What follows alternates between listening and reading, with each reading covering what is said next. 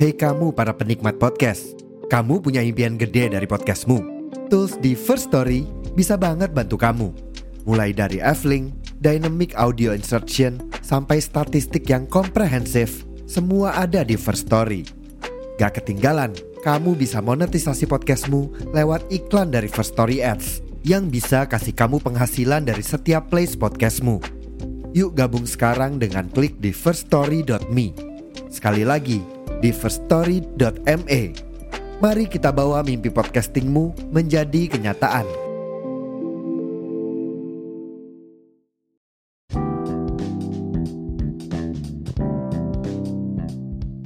Oke, okay, hello guys, welcome back to my podcast Balik lagi sama gue Ayah di podcast Suara Senja Apa kabar?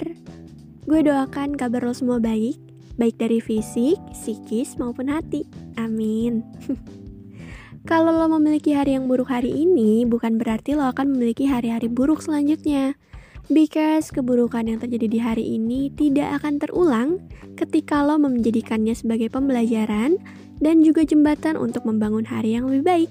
So, semangat guys! Sekarang, cari posisi ternyaman, ambil cemilan, and let's move to the new episode. Selamat mendengarkan!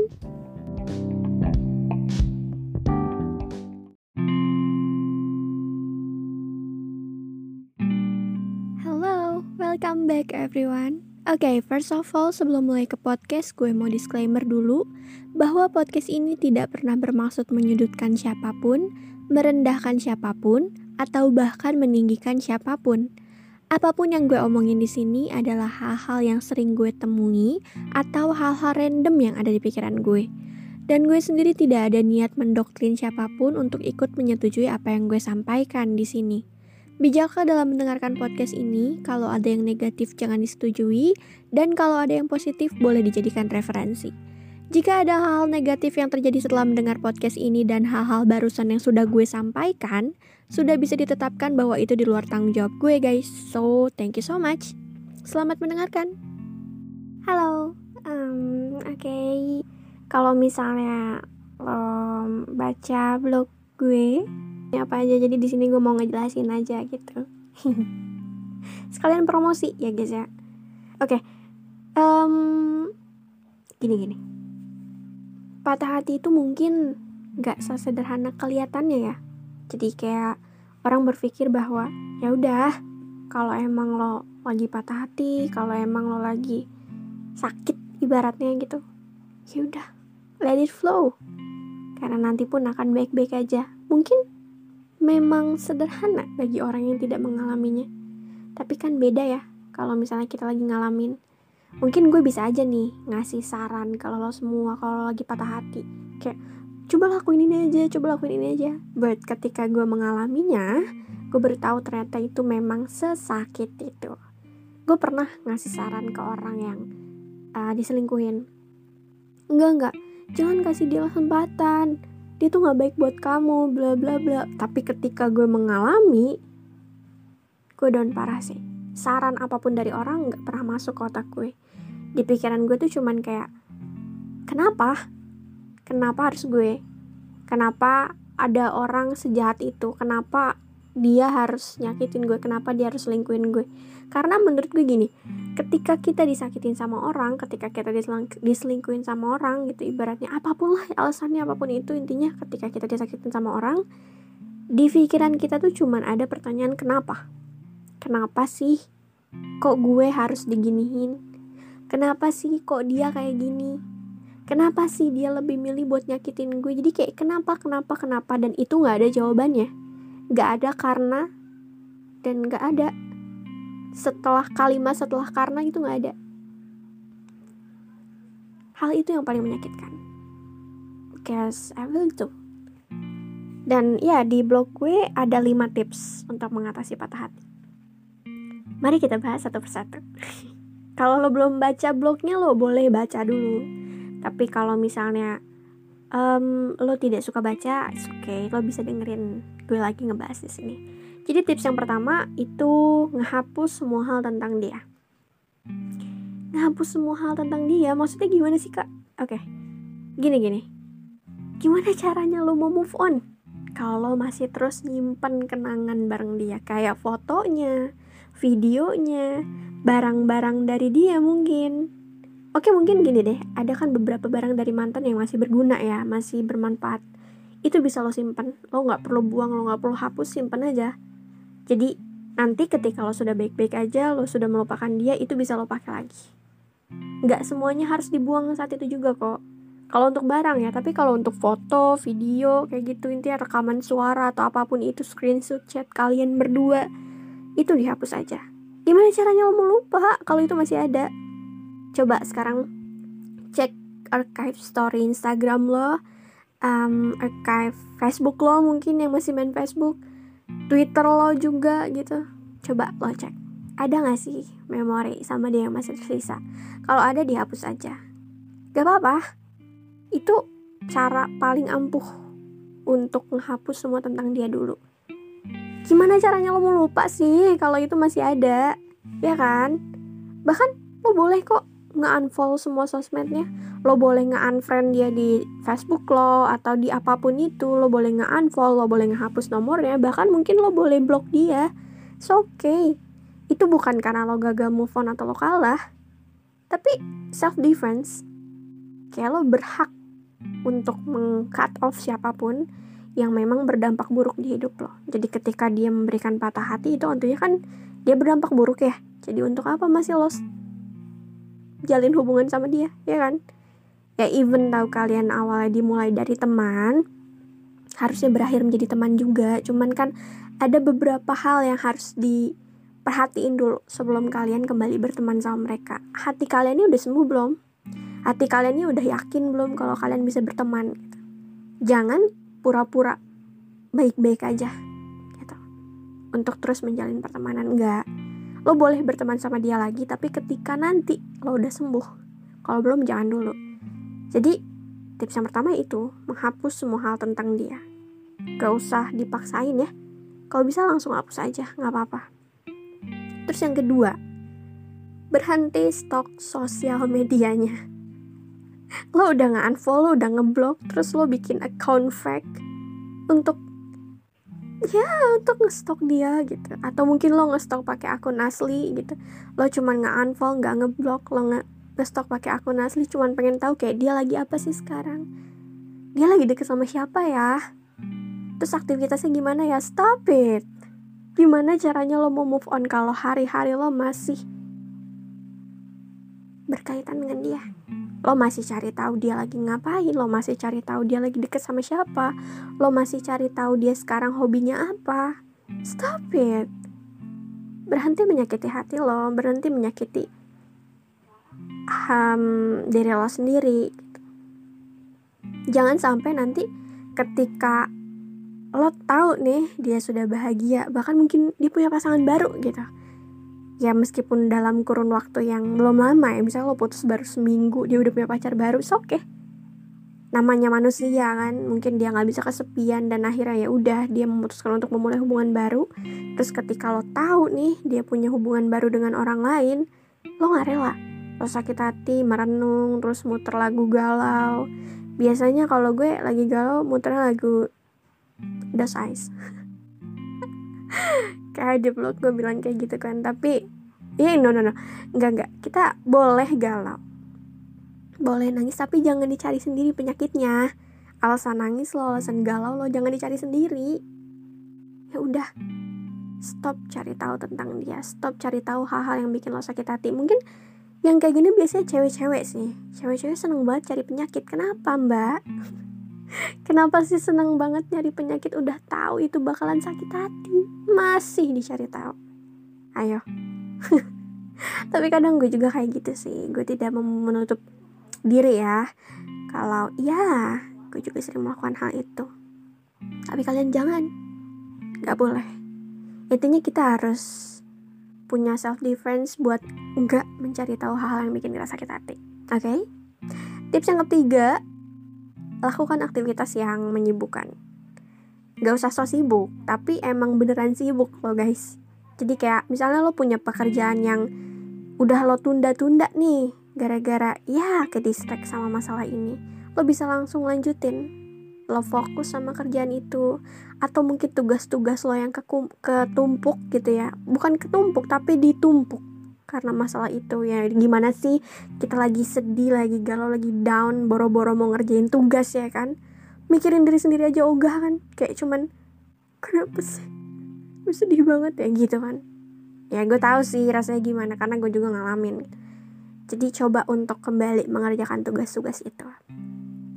Atau kayak lo bisa ikut organisasi mungkin organisasi di sekolah di kampus atau di mana pun itu kayak ikut volunteer volunteer yang seru deh kayaknya kayak gitu ya. Lo bisa menyibukkan diri di situ atau mungkin olahraga kayak gym kayak gitu kan. Atau belajar masak mungkin atau belajar apa pun itu. Intinya kayak kegiatan yang memang benar-benar bikin lo sibuk. Jadi jangan pernah biarin diri lo senggang. Karena ketika kita patah hati terus kita senggang nih pasti nih kepikiran lagi sakit hati lagi galau lagi itu udah pasti. Karena ya gue ngomong kayak gini karena gue ngalamin juga gitu ya kan.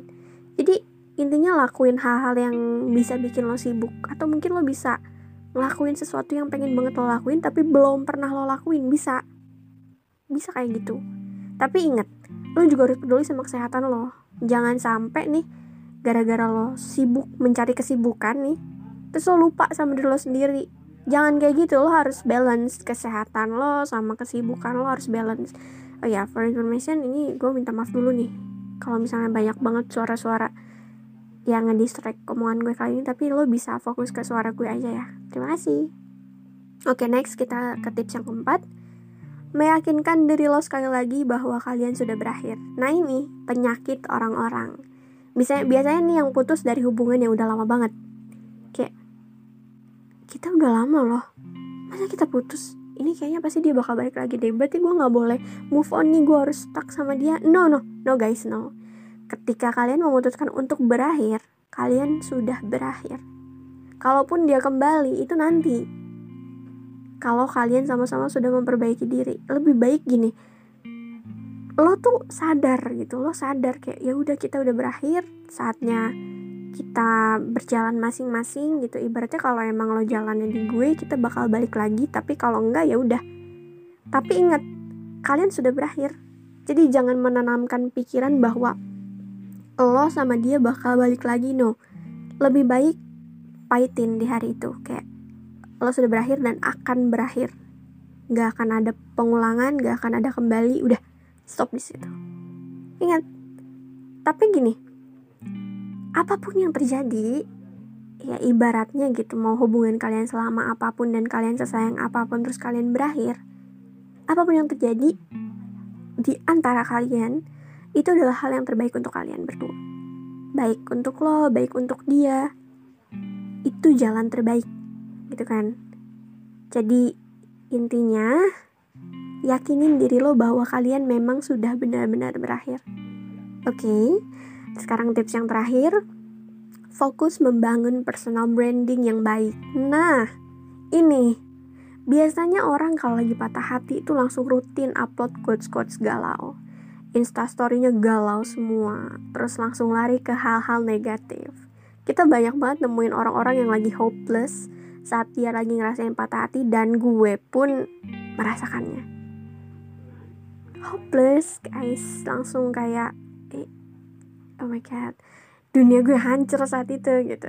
Lebaynya ya kayak gitu. Cuman gini. Jangan sampai karena patah hati personal branding lo mendadak jadi buruk. Lo mungkin dikenal sebagai orang yang cengeng tukang marah atau buruk lah intinya.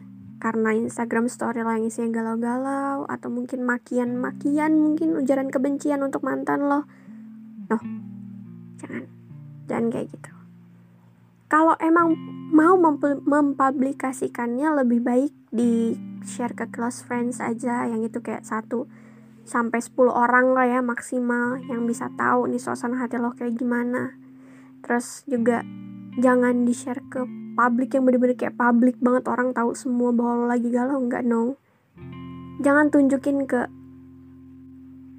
dunia kalau lo lagi hancur karena itu berpotensi bikin orang yang nyakitin lo tuh senang orang yang nyakitin lo tuh ngerasa wih gile. Dampak gue di hidup gue dampak gue di hidup dia sebesar itu ya sampai sekarang dia kayak gini. Wah gila keren banget sih. Ini kayaknya kalau gue balik lagi dia bakalan mau deh gitu. Dan akhirnya hal itu yang bikin dia bisa merendahkan lo. Jadi stop it. Jangan menurunkan value diri lo sendiri hanya karena lo patah hati okay? lo boleh galau lo boleh nangis lo boleh marah lo boleh benci sekalipun but given private ataupun ya share it with your close friends hanya orang-orang terdekat lo yang tahu kondisi lo saat ini seperti apa. Meskipun gue tidak melakukannya kemarin, gue langsung kayak, ya meledak. Tapi gue harap lo bisa meng menanggapi patah hati lo dengan baik.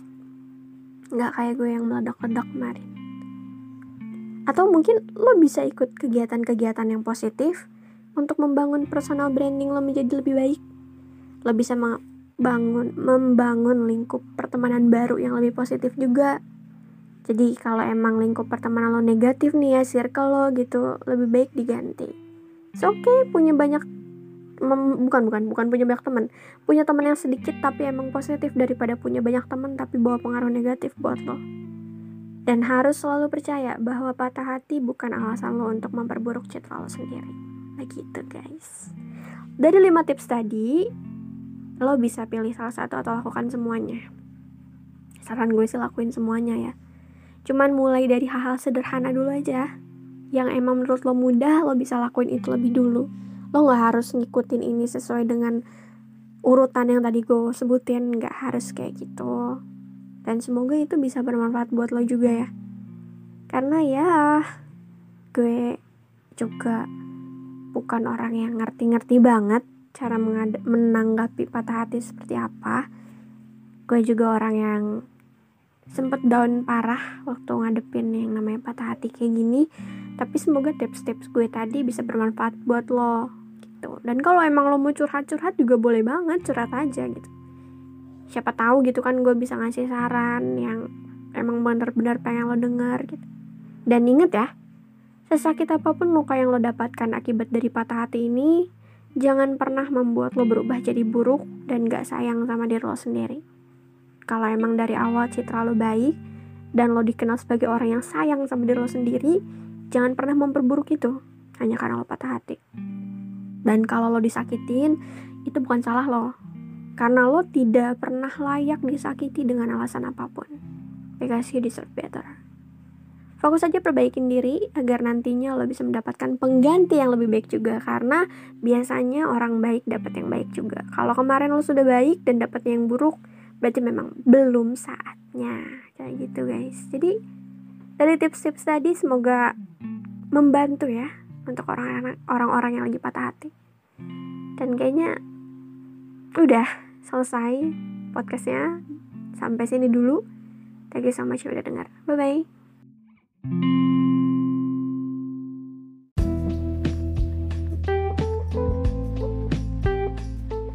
That's all, thank you. Applause dulu untuk kita semua. Untuk lo yang berbaik hati mau mendengarkan podcast ini sampai habis, dan untuk gue yang berhasil menyelesaikan podcast ini. Thank you so much guys. Untuk pembahasan yang sudah gue sampaikan tadi, mohon diambil sisi positifnya dan dibuang sisi negatifnya. Gue juga memohon maaf kalau ada kalimat yang menyinggung satu pihak, karena gue sama sekali tidak ada niat untuk melakukannya. Thank you and sorry guys. Oh iya, podcast gue akan upload setiap hari Sabtu, menemani malam minggu kalian yang kelabu. Enggak dong, canda. Biar gak ketinggalan, lo bisa follow Suara Senja di Spotify dan aktifkan notifikasinya. Sekian dari gue, see you on the next podcast manusia-manusia keren. Bye-bye.